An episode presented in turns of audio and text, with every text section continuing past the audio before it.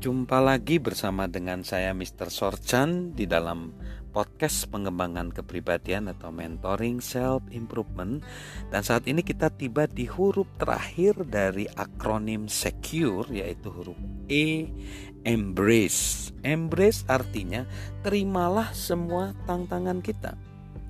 Begitu kita sudah menyatakan semua posisi kita, memeriksa semua tindakan kita, mempertimbangkan semua pilihan kita, memanfaatkan semua sumber daya kita, dan menyingkirkan semua hal yang tidak penting bagi kita, kita masih mempunyai satu hal, yaitu menerima semua tantangan kita. Raja Salomo, yang dianggap sebagai orang paling bijaksana yang pernah hidup, menulis demikian: "Kalau orang bijak melihat malapetaka, bersembunyilah ia." Tetapi orang yang tak berpengalaman berjalan terus, lalu kena celaka.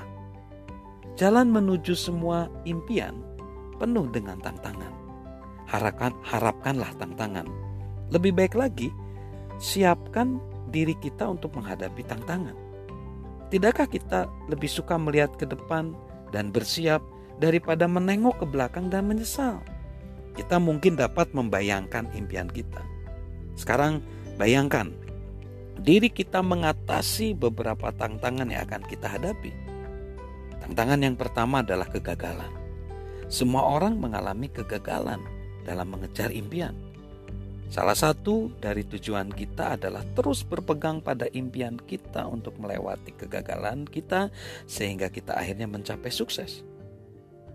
Seorang psikolog olahraga bernama Rob Gilbert, dia mengatakan tentang bedanya atlet yang sukses dan yang tidak, yaitu orang yang kalah membayangkan hukuman akibat kegagalan, orang yang menang membayangkan hadiah dari kesuksesan.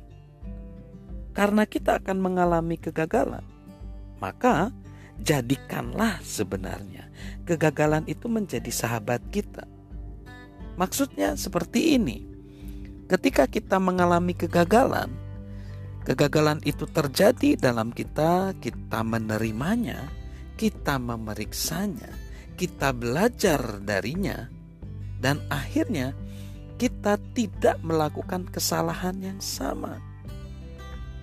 Lalu, tantangan yang kedua adalah kekakuan, kaku. Pensiunan Jenderal Angkatan Darat Wesley Kikar mengemukakan ada dua jenis rencana.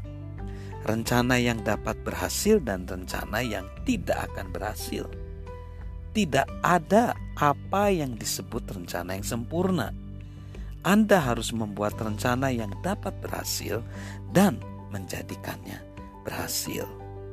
Kita harus tetap fleksibel. Kita harus tetap fleksibel. Kita harus menggunakan dua set keterampilan. Berpikir kritis yang menanyakan apa yang perlu dirubah dan berpikir kreatif yang menanyakan bagaimana kita mengubahnya. Jika kita dapat terus tetap fleksibel dan memakai cara berpikir seperti itu, kita mempunyai peluang yang bagus untuk menghadapi tantangan dan mengatasi rintangan. Sebenarnya tidak ada jaminan bahwa kita mampu mengamankan secure impian kita dengan langkah-langkah itu. Namun, jika kita mempunyai sebuah rencana, tetaplah fleksibel.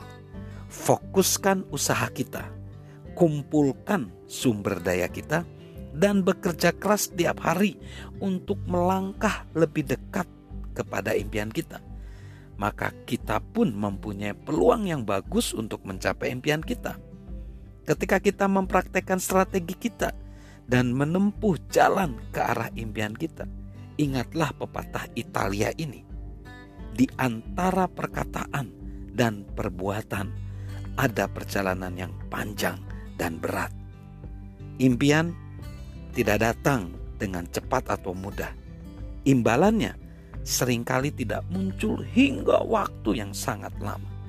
Jadi, bertahanlah di sana dan teruslah berusaha untuk mencapai impian kita.